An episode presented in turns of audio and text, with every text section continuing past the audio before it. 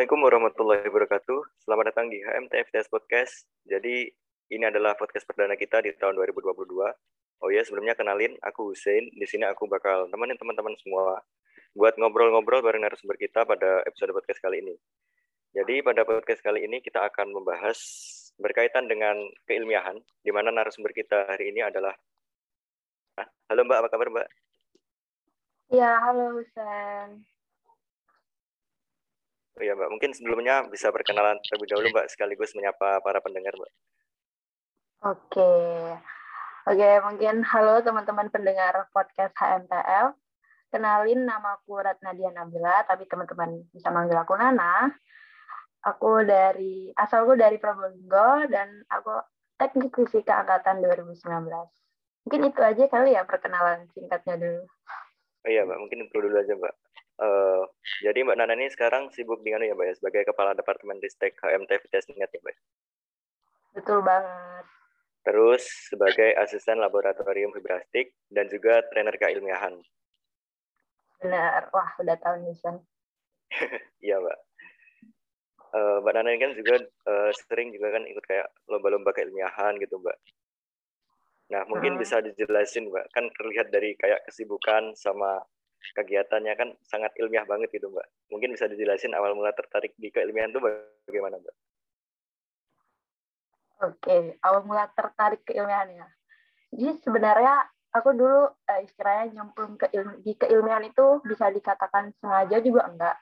Enggak sengaja juga enggak sih. Jadi waktu akhir semester 2, which is tahun 2020 ya, itu waktu liburan semester 2, itu kan gabut nih. Nah, terus kayak bingung aja gitu mau ngapain. Dan kebetulan pas itu kan pandemi ya. Dan di angkatan itu lagi sering-seringnya nge-share poster-poster lomba. Inget banget nih dulu konten gue sering banget nge-share poster lomba. Dan dari situ kayak pengen aja ikut. Karena dulu aku waktu masih uh, di sekolah di SMP di SMA itu aku orangnya lebih ke akademisi. Jadi lebih fokus interest eh ya fokusku itu lebih ke akademik pelajaran dan nggak pernah nyoba-nyoba kayak lomba gitu-gitu. Nah akhirnya aku nyoba nih di akhir semester 2. Waktu itu aku scroll Instagram dan nemu salah satu lomba ICI keilmiahan yang diadain oleh salah satu univ lah di Indonesia ini. Terus aku nyari partner dan alhamdulillah ada teman angkatan yang juga mau ikut Oke, dan akhirnya ikut lomba esai dan alhamdulillah lolos final nih. Jadi itu benar-benar kayak lomba pertama, lomba keilmiahan ya, pertama di kampus dan juga di hidupku juga sih lomba keilmiahan dan langsung lolos final gitu. Terus uh, emang nggak menang sih waktu itu, tapi kayak apa ya kaget dan uh, banyak dapat pengalaman juga dari situ. Nah setelah itu agak sedikit kecanduan, jadi ikut-ikut lomba lainnya. Kemudian uh, ada satu titik di mana waktu itu ada salah satu laboratorium ya lab, sih, labku itu ngadain open track buat teman-teman angkatan 2019 yang mau join buat satu partner sama atlet fibrastik waktu itu di gemastik. Nah, tapi waktu itu aku tuh nggak paham gitu loh gemastik itu apa gitu karena aku emang suka sama labnya, jadi aku nggak begitu merhatiin gemastik itu apa itu bahkan aku nggak tahu ternyata gemastik itu lomba gitu. Jadi waktu aku udah daftar open rec ternyata aku baru tahu itu lomba. Nah terus uh, ternyata juga diterima open rec buat join sama partner di aspek vibrastik itu. Dan ini plot twistnya ternyata aku di partnerin sama koorletnya waktu itu. Adalah koorletnya waktu itu dan ya udah akhirnya kita brainstorm ide waktu itu yang masih maba ya semester 2 brainstorming sama mahasiswa dua tingkat di atasku jadi lebih banyak aku sih yang diajarin bukan lebih diskusi tapi lebih kayak ngajarin aku. Dan ternyata waktu pengumuman lolos final gemastik alhamdulillah tim yang lolos final itu cuma satu dari teknik fisika dan itu timku. Itu benar-benar uh, pengalaman yang nggak bisa dilupain sih yang gemasik itu banyak dapat pengalaman baru juga dan dari situ akhirnya aku sadar kalau aku itu ternyata passion di keilmiahan terus aku juga gemar uh, suka bikin karya tulis ilmiah kayak gitu. Dan dari situ akhirnya aku lebih meningkatkan minatku mengembangkan diriku di keilmiahan dilanjutkan uh, dari mendaftar di Stafristek HMTF terus juga daftar training keilmiahan dan juga uh, tetap masih ikut lomba dan lain sebagainya. Jadi intinya dimulai dari lomba sih dulu tertarik keilmiahan dan titik poinnya emang waktu gemastik sih waktu itu. Gitu Sen untuk sejarah Nana bisa nyemplung keilmiahan. Oke Mbak, berarti berawal dari kegabutan waktu liburan, sekarang menjadi passion di keilmiahan gitu. Ya. Keren banget sih Mbak. Oh ya Mbak, mungkin kan tadi sempat disinggung terkait dengan gemastik ya. Uh, mungkin bisa dijelasin waktu lomba gemastik itu bagaimana Mbak? Mungkin sama waktu itu kan kalau nggak salah Mbak Nana kan meraih medali perunggu ya sama uh, bersama dengan timnya ya. Nah itu hmm. mungkin bisa dijelasin terkait uh, judul dari penelitiannya dan juga itu kegiatannya ngapain aja gitu Pak. Wah, menarik nih. Aku suka kalau disuruh nyeritain gemastik. Jadi, uh, gemastik itu uh, lomba dari Puskesmas atau Pusat Prestasi Nasional yang diadain Kemendikbud Ristek. Bisa dibilang setara dengan PKM, karena sama-sama diadain Puskesmas kan. Uh, bedanya apa? Mungkin gemastik itu kalau dari namanya ya udah pagelaran mahasiswa nasional bidang TIK. Jadi emang berfokus di ide-ide atau inovasi yang pastinya berkaitan dengan teknologi kayak gitu. Terus uh, aku itu udah ikut gemasik dua kali. Jadi kalau yang aku ceritain tadi itu itu gemasik pertama dan yang Hussein mention itu gemasik kedua yang dapat perunggu. Untuk penelitiannya apa aja, karena aku ikut dua kali ya, mungkin aku ceritain dua-duanya. Jadi kalau yang pertama itu aku penelitiannya itu atau inovasi yang aku usung bareng bareng sama partner timku itu namanya shotgun. Shotgun itu uh, shotnya itu teriak teriakan, gunnya itu tembakan. Nah kenapa gitu? Karena emang alat itu cara singkatnya itu suatu alat yang bisa mendeteksi suara tembakan maupun suara teriakan menggunakan berdasarkan prinsip akustik kayak gitu. Uh, jadi di alatku itu ada pakai sensor sensornya itu berupa mikrofon. Jadi mikrofonnya diletakkan di di alatku. Alatnya kecil aja sih jadi ntar itu kayak ditempel di ditempel ya ditempatin lah. Istilahnya di tiang tiang-tiang atau di dinding. Pokoknya dengan ketinggian tertentu. Kemudian uh, ya Usen tahu lah ya tentang sensor mikrofon. Itu menangkap gelombang suara. Nah gelombang suaranya itu kemudian di filter dulu noise untuk mengurangi noise. Nah, dari situ kan kita dapat clean clean suaranya ya. Nah, itu bisa dideteksi ini termasuk gunshot, uh, tembakan ataupun shot uh, teriakan gitu berupa teriakan dan teriakannya ini kita juga uh, batasin. Jadi teriakannya itu teriakan minta tolong. Jadi waktu itu ada kayak beberapa kata aja yang bisa dideteksi. Jadi kalau misalkan nggak termasuk teriakan minta tolong itu yang nggak bisa dideteksi gitu. Nah, dari suara itu yang udah ditangkap, itu diproses sama Raspberry Pi, kemudian dari Raspberry Pi itu mengirim ke uh, mengirimkan berupa notifikasi ke istilahnya itu stakeholder. Stakeholder di sini itu adalah kayak kepolisian atau siskamling setempat atau juga uh, rumah sakit gitu terkait adanya tindakan kriminal, kriminal lebih tepatnya di jalanan itu itu untuk kan penelitian yang pertama. Dan itu aku ikut di bidang smart city. Smart city itu namanya nama lainnya kota cerdas. Jadi alatnya itu emang harus ditempatin di harus punya satu target kota atau daerah gitu yang uh, sesuai gitu dengan alat yang bakal aku bakal aku implementasikan. Itu untuk yang penelitian pertama. Jadi emang akustik banget ya karena pernah timku kan core lab uh, core lab vibrasi waktu itu. Jadi ya aku ketika aja sih waktu itu. Nggak terlalu paham juga sebenarnya. Karena masih semester dua. Terus kalau yang uh, 2021 gemasik 2021 ini sama teman seangkatan. Uh, dua-duanya teman seangkatan. Dua-duanya cowok juga. Jadi yang gemasik 2020 juga cowok. Terus kita di 2021 ini ngambil smart city juga kota cerdas juga. Dan untuk penelitiannya itu di bidang sampah atau limbah gitu. Jadi kita bikin alat yang bisa ditempatin di sungai. Jadi misal ini kan eh, sekarang itu kan kalau sampah-sampah itu orang-orang lebih kayak apa ya bukan memprioritaskan jadi lebih memikirkan inovasi pengolahan atau penanggulangan sampah yang di darat kan. Nah, jadi yang di sungai-sungai itu biasanya kurang gitu untuk attention dari masyarakat sekitar. Nah, akhirnya kita mikir gimana kalau kita bikin alat yang juga alat yang emang berfokus sampah di sungai gitu, karena kan jarang gitu kan. Dan waktu itu juga terinspirasi latar belakangnya dari eh, daerah ketua timku di Jombang, daerahnya di Jombang, dan itu memang sampahnya padat banget di sungai-sungai yang ada di Jombang, jadi kita bikinlah alat itu, namanya sapu kali. Teman-teman bisa ini nonton videonya di YouTube masih ada tentang sapu kali, boleh banget ditonton.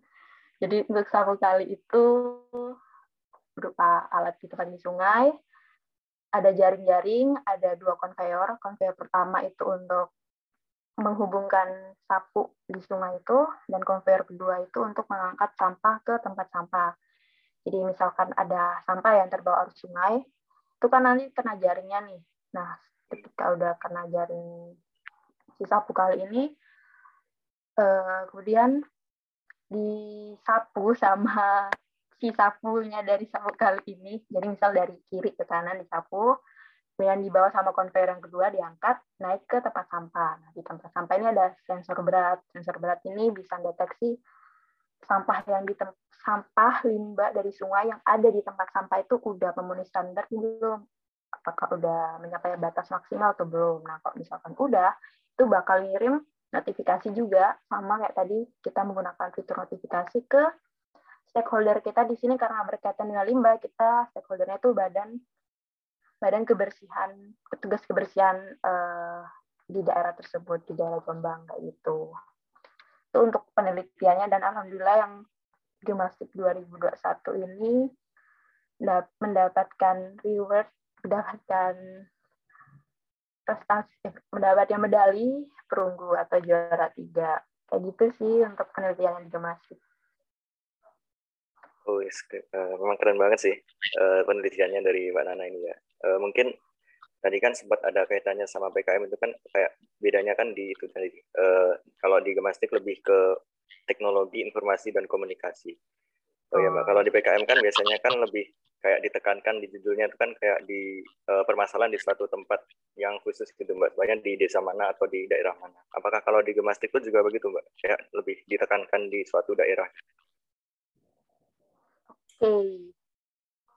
ditekankan di suatu daerah ya. Berarti aku mungkin jelasin perbedaan dulu ya kak, tekan sama gimnastik apa.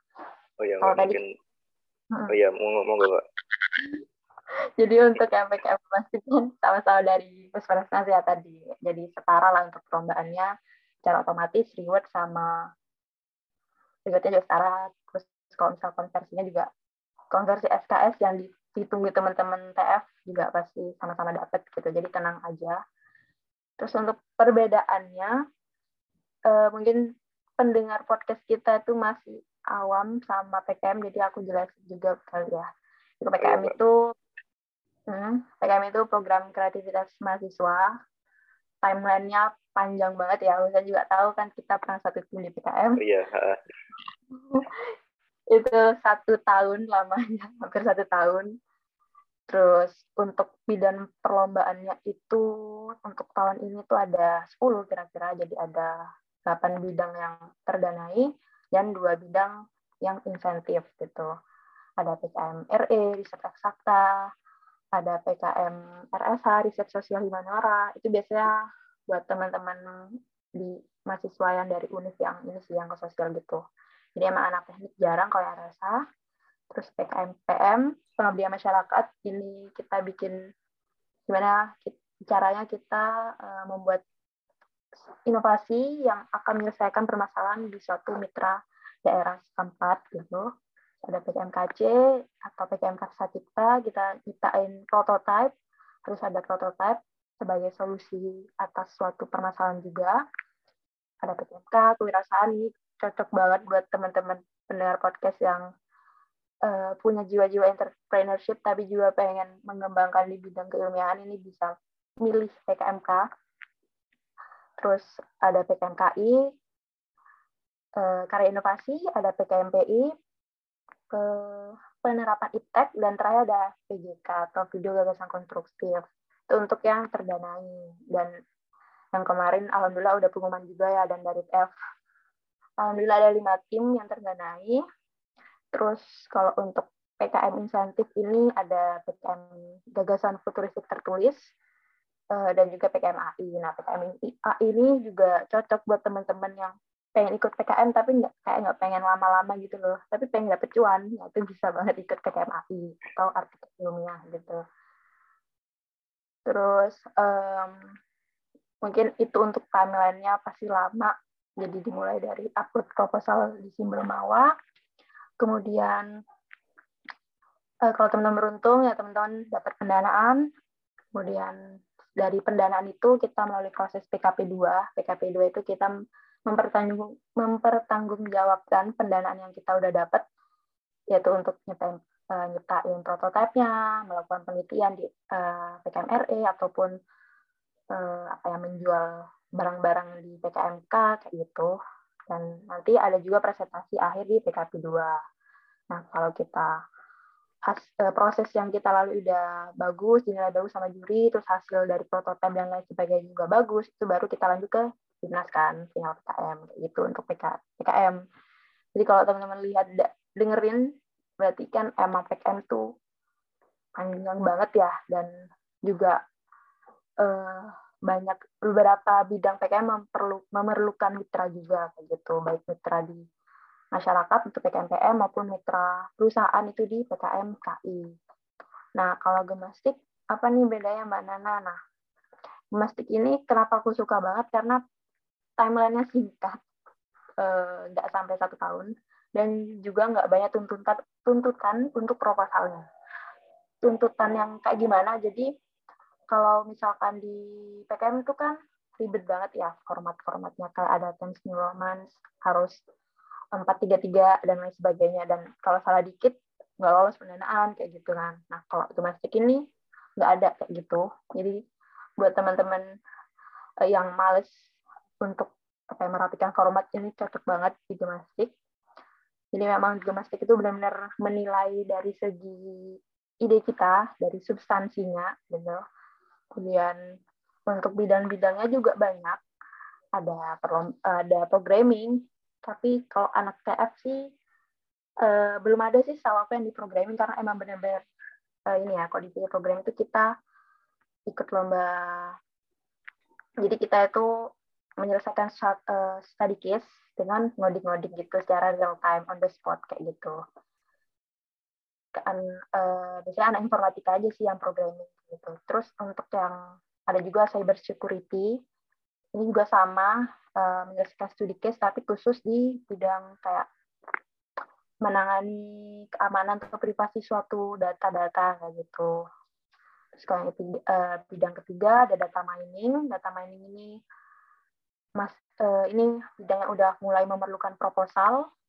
Biasanya sih anak matematika sih karena perlu statistika yang advance statistika yang kayak advance itu maksudnya yang statistika yang juga memerlukan ngoding gitu. Kalau kita kan baru cuma teori aja ya kalau di TF. Nah ini kalau di matematika, statistika kan udah bisa dihubungin sama ngoding gitu. Untuk bidang data mining untuk mereka. Terus ada PPL atau pengembangan perangkat lunak. Ini yang kemarin TF juga dapat medali perak di PPL yaitu uh, kita nyiptain aplikasi atau website yang ya harus berfungsi dan dapat menjadi solusi atas suatu permasalahan. Terus ada animasi, animasi ini bisa anak di kafe sih, bikin animasi lah ya. Terus ada juga uh, bidang permainan, bikin ya bikin permainan, bikin games. Terus ada juga uh, bisnis TIK, ini sama kayak PKMK juga ya, sama-sama kewirausahaan nih. Tapi karena ini domestik, uh, perlombaan yang khusus TIK jadi emang bisnisnya tuh harus benar-benar memanfaatkan teknologi gitu jadi nggak sembarangan menjual barang-barang yang konvensional atau barang-barang yang nak teknologi gitu. Ada juga UI UX, uh, ini interface yang ada di aplikasi website gitu-gitu. Ada juga uh, sorry, ada juga karya tulis ilmiah bidang TIK dan ada juga bidang smart device IoT ini kalau di PKM ini sama kayak PKMKC jadi kita bikin prototype tapi dengan ketentuan harus ada uh, fitur IoT-nya gitu. Dan terakhir yang aku ikutin selama dua tahun kemarin itu bidang smart city atau kota cerdas. Jadi kalau kota cerdas ini, nah ini kalau sesuai dengan pertanyaan saya tadi, apakah di Gemastik juga ada yang kayak bidang perlombaan itu kita perlu daerah gitu ya. Nah ini smart city bisa digunain kayak yang tadi aku dijelasin juga eh, penelitian aku usung di Gemasik jadi memang perlu target kota dan harus kota yang smart city juga untuk diimplementasikan inovasi kita gitu. Nah smart city ini kenapa aku tertarik banget karena ya, kita tidak hanya memikirkan inovasi dari segi teknologi, tapi kita juga dituntut ternyata waktu aku final ketika karantina uh, baru tahu kalau di smart city itu juga dituntut harus berpikir tentang stakeholdernya. Jadi entar kita tuh dibuat berpikir kalau misalkan alat kita udah diimplementasikan, stakeholder apa aja sih yang kira-kira bekerja sama sama kita gitu untuk implementasi alat tersebut. Dan itu pastinya pemerintah, karena kan berhadapan dengan uh, ini ya kota-kota gitu kan. Jadi harus pemerintah, badan-badan, lembaga khusus kayak gitu. Dan kita juga dituntut berpikir tentang alur keuangannya, monetization-nya juga. Dan yang menariknya di Smart City selama dua tahun aku itu belajar undang-undang. Ini yang gak banyak orang tahu, jadi aku selama dua tahun perlombaan gemastik itu aku banyak belajar undang-undang juga, jadi saya tidak langsung jadi anak uh, jadi belajar ini juga PKN lagi, KWN. Itu jadi harus tahu kayak misal yang tadi aku uh, itu yang penelitian yang pertama yang shotgun itu kan pasti memerlukan data-data juga kan itu kira-kira kalau di undang-undang tuh di pasal atau ayat berapa aja yang menyangkut tentang data-data pribadi gitu dan gimana sih cara kita menggunakan atau mengolah data tersebut biar apa ya tidak terlalu transparansi ke publik gitu. Pembatasannya gimana aja jadi harus tahu juga kayak gitu nah karena juri juga bakal nanya tuh. Sebenarnya kalau waktu final dulu dulu nggak terlalu banyak teknologinya sih lebih ke generalnya kalau di smart city dulu. Gitu. Dan untuk rewardnya nggak usah risau PKN sama gemastik sama aja sauku sama aja kok dari nominal dan kalau masalah kayak titel gitu sama kalian nggak sih kan sama-sama dari puskesmas juga gitu itu sih mungkin ya cerita tentang PKM dan gimnastiknya. Iya, Mbak. Oh, mungkin ini bisa jadikan uh, buat teman-teman bisa jadi alternatif nih selain uh, eh, PKM bisa juga ini untuk ikut gimnastik juga. Oke, mungkin selanjutnya ini Mbak terkait pembagian waktu itu bagaimana ya, Mbak? Kan mungkin ada kesibukan kuliah juga kan, Mbak. Sedangkan Mbak Nana kan juga sibuk di keilmiahan kayak tadi ada uh, trainer keilmiahan, terus sebagai asisten laboratorium juga, terus banyak lomba-lomba juga terus sekarang sebagai kepala departemen ristek di HMTF Niat, Mbak. Itu bagaimana, Mbak, cara membagi waktu supaya tertata rapi gitu, Mbak? Tertata rapi, oke. Okay. Iya, Mbak. Nah, kegiatanku yang aku lalui juga nggak terlalu tertata rapi ya, tapi banyak orang bilang penasaran gitu loh aku membagi waktu karena kelihatannya aku sibuk banget. Nah, dari aku pribadi nggak eh, ada metode khusus sih, cuman terkadang aku itu bikin to-do list gitu harian, to-do list yang secara harian ya. Ini misalkan untuk besok, nah malam ini tuh aku bikin kalau nggak mager, kayak besok mau ngapain aja, dari jam rentang waktunya jam berapa, gitu. Kenapa buat gitu? Karena biar apa ya? Yang pertama pasti mengantisipasi kegiatan yang bentrok.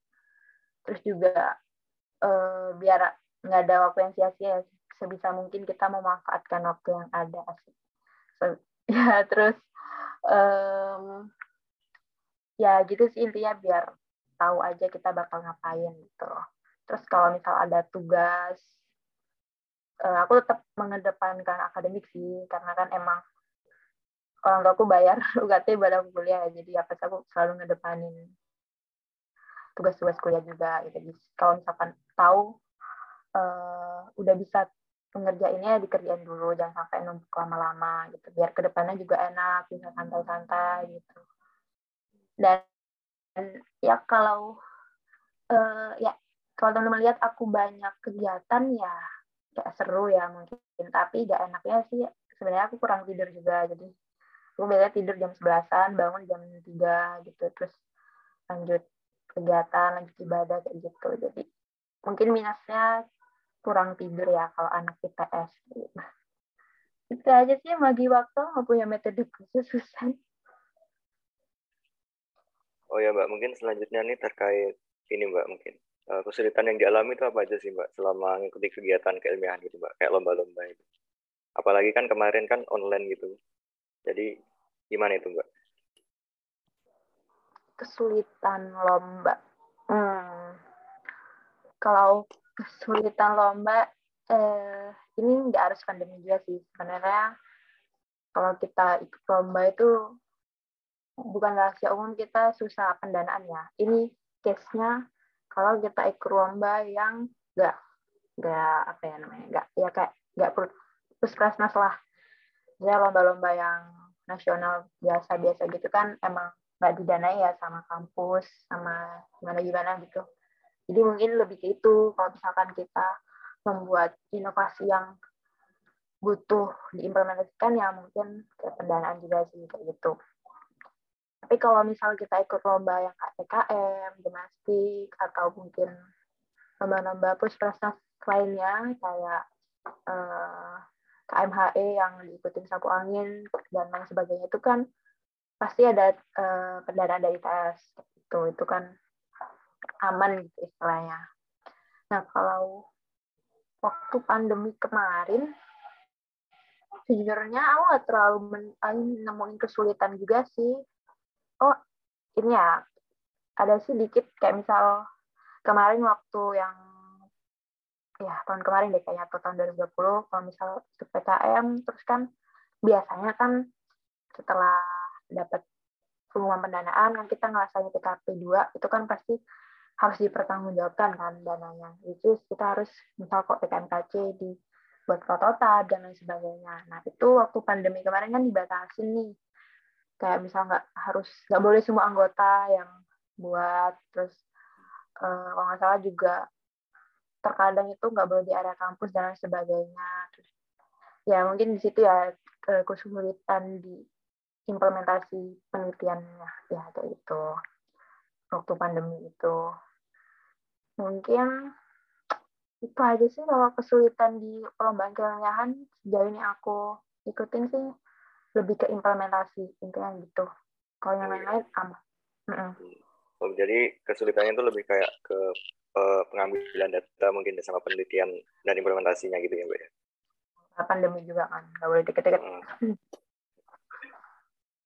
oh ya mungkin yeah. ini mungkin uh, ada tips gitu mbak buat teman-teman yang ingin mulai untuk uh, menulis kadang uh, kadang kan kalau saya kan kalau uh, itu kesulitan saat mencari ide gitu mbak hmm. walaupun udah dapat ide mungkin itu sulit buat ngembanginnya gimana gitu mungkin ada tips-tips gitu mbak.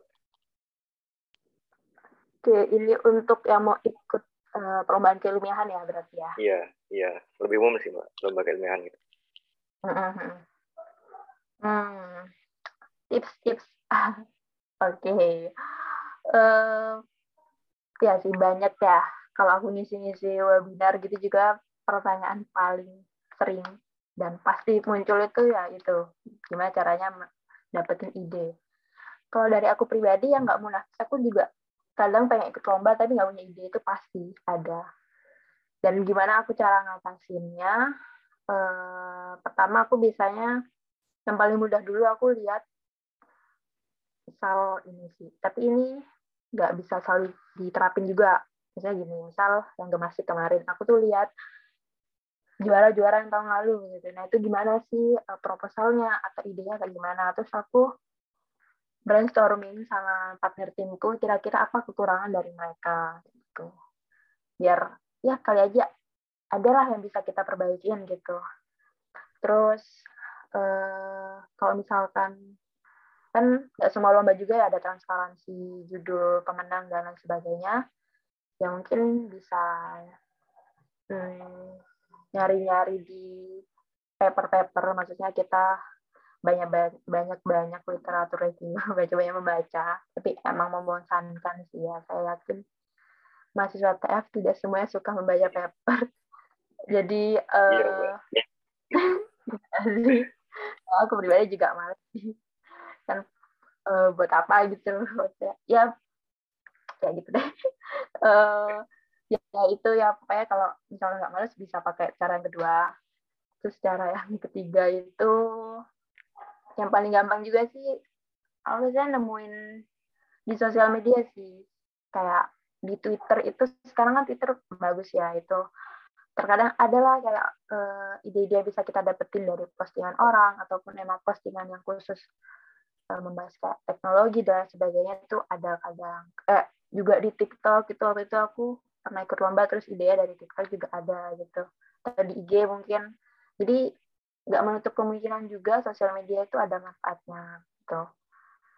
Yang penting gimana cara kita manfaatin sosial media sebaik mungkin.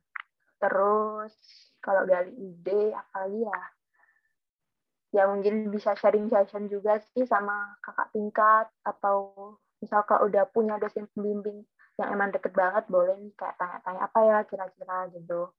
Atau juga kalau dari labku nih biasanya kadang dosen pengampu di lab tuh suka ngasih uh, apa ya random gitu ngasih judul-judul kayak disuruh ikutin di PKM, gemastik atau lomba-lomba gitu.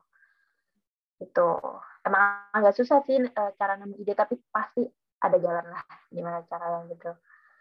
Terus untuk mm, memulai menulis uh, atau memulai mengikuti perlombaan keilmuan ya yang pertama pasti teman-teman harus punya niat dan mulai aja dulu nggak usah mikirin hal-hal negatif lainnya kayak mikir ah takut stuck di tengah jalan takut gak nemu solusi atau takut gagal itu nggak usah mikirin negatifnya dulu yang penting jalan dulu. Yang penting uh, selesaiin dulu apa yang sudah kamu mulai. Dan banyak banyakin uh, nyari-nyari referensi juga uh, atau sharing session juga dengan kakak tingkat atau teman-teman yang udah expert di keilmiahan karena itu bakal membantu banget sih dalam menunjang apa ya perlombaan yang bakal teman-teman ikutin kayak gitu. Intinya tapi yang paling penting intinya adalah mulai dulu nggak usah takut gitu. Karena aku dulu juga ya asal aja ikut lomba esai asal aja ikut kemastik tapi ujung-ujungnya ya emang uh, alhamdulillah kayak menang alhamdulillah lolos final kayak gitu yang penting berani aja. Itu dari tips dari Nana. Oke. Terima kasih mbak atas tipsnya mbak. Uh, mungkin dari teman-teman nih boleh mencoba nih. Untuk iseng-iseng mau buat mau kalau gabut buat uh, ikut lomba gitu. Oke mungkin selanjutnya nih mbak uh, terkait dengan kondisi keilmiahan di TF mbak. Ini menurut mbak Nana bagaimana? Waduh. Sebaik adem banget nih uh, kondisi keilmiahan di TF ini jujur ya ini bagus kok sumpah. Ini bukan karena aku sebagai kader ya tapi emang bagus banget. Bisa mungkin aku ngomongin dari segi ini dulu kayak stakeholder yang menangani keilmuan di TF which is risteknya ristek TF itu bisa kita lihat ya kalau untuk pendengar podcast yang mungkin baru tahu. Jadi emang dari dulu sejarahnya Ristek HMTF itu selalu peringkat tiga besar lah dan gak jarang juga selalu peringkat satu sebagai departemen uh, terbaik di ITS gitu jadi dari situ berarti kan kita udah tahu kalau emang kinerja ristek setiap pemulusan itu bagus dalam mewadahi teman-teman uh, mahasiswa teknik fisika di bidang keilmiahan, memberikan fasilitas yang memadai, terus mendukung teman-teman untuk lebih meningkatin minatnya di keilmiahan kayak gitu. Jadi kalau misalkan terkait uh, stakeholder atau garda terdepan keilmiahan di TF itu udah ya udah bagus lah setiap tahun itu nggak pernah menurun sih menurutku. Nah, terus kalau untuk kayak misal prestasinya prestasi uh, bisa dikatakan juga beragam ya teman-teman teknik fisika itu kayak misal di tim-tim besar itu alhamdulillah masih teknik fisika itu menyebar gitu dari yang tim-tim di mobil, tim-tim yang ada di robotik maupun yang di kapal-kapal gitu atau di bayi caraka pesawat itu alhamdulillah TF setiap tahunnya juga selalu adalah perwakilan ke delegasinya gitu. Itu juga merepresentasikan bahwa teman-teman mahasiswa teknik itu eh, minat keilmuannya juga tinggi gitu. Terus kalau dilihat dari lomba-lomba juga kalau teman-teman tahu database prestasi teknik fisika yaitu di in slash prestasi TF itu setiap tahunnya selalu uh, keren-keren, eh, bukan keren-keren ya banyak banget dan juga keren-keren dari nasional maupun internasional uh, prestasi yang diraih. Dan juga kalau yang tahun kemarin itu bahkan hampir uh, berapa ya hampir 70 prestasi di tahun 2021 itu betapa gabutnya ya Mas TF sampai menghasilkan banyak prestasi gitu. Jadi uh, uh, kalau ngomong prestasi sih udah bagus juga udah beragam. Apalagi dilihat juga uh, PKM-nya juga setiap tahunnya selalu ada yang terdanai meskipun ya tahun ini menurun ya kalau dibanding tahun lalu tapi masih alhamdulillah masih terbanyak ketiga di TS untuk yang terdanai. Di Gemastik juga kemarin waktu uh, yang tahun ini pengumpulan proposal di ITS-nya juga kita alhamdulillah peringkat ketiga terbanyak. Timnya yang ikut padahal tim uh, departemen lain itu departemen keinformatika yang emang bidang IT dan teknik fisika bisa-bisanya peringkat ketiga nih yang ikut terbanyak. Berarti kan emang TF itu multi talenta ya mahasiswanya. Terus juga dari medali-medali yang gemasik kemarin diraih juga itu kita departemen satu-satunya di FTI yang ikut gemasik berarti kan udah menunjukkan bahwa TF ini keilmiannya udah wow banget bervariasi ya nggak di itu itu aja gitu. Jadi implementasi ilmunya di teknik fisika berarti berjalan lancar lah gitu. Kondisi keilmiannya udah oke okay sih. Ya gitu. Iya berarti uh, untuk kondisi keilmian ini kan udah cukup wow gitu ya pak ya mudah-mudahan uh, teman-teman bisa termotivasi nih. Uh, apalagi yang lagi gabut gitu buat bisa memulai ikut lomba-lomba gitu. Gabut. Oh ya ini mungkin uh, untuk uh, target ke depan itu mbak. Mungkin ada nggak target ke depan di keilmiahan ada ada ikut mau ikut lomba lagi atau mungkin fokus ke akademik? Oke, berarti buat pribadi ya target pribadi ya. Iya mbak. Uh, kalau target pribadi uh, ya karena udah semester 6 ya, ingin mau lebih kayaknya lebih ke akademik dulu biar uh, bisa lulus cepat waktu, tapi juga akan tetap uh, nyari prestasi gitu, nyari prestasi. Maksudnya ikut-ikut perlombaan keilmian juga tetap masih tetap karena emang uh, suka gitu lebih ke suka sih passionnya masih situ terus uh, ke depannya pengen ini semoga lebih banyak lagi kesempatan-kesempatan yang diberikan buat aku buat membagikan ilmu terkait keilmiahan, keilmiahan baik di ITS maupun luar ITS. Senang aja gitu bisa sharing-sharing terkait ilmu keilmiahan buat teman-teman maupun mahasiswa baru gitu. Jadi apa ya meskipun kita berprestasi tapi ketika melihat orang lain yang lebih berprestasi karena kita itu lebih membanggakan aja lebih lebih senang gitu. Kayak berarti kan kita ikut turut berkontribusi dalam mengembangkan keilmuan di teknik fisika maupun di ITS terus uh, mungkin aku juga karena semenjak di gemastik itu aku juga secara tidak langsung or suka IT juga jadi pengen ngembangin hard skill juga di programming kayak misalnya machine learning atau pengen data scientist juga pengen mendalami di itu juga sih. Terus apa ya ya mungkin ya intinya kok di keilmian uh, semoga tetap bisa mengawal keilmiahan di IPS aja sih itu. Nulis mulia banget. Ya kayak gitu Sen. Ya amin mudah-mudahan uh, harapannya Mbak Nana bisa terkabul ya Mbak ya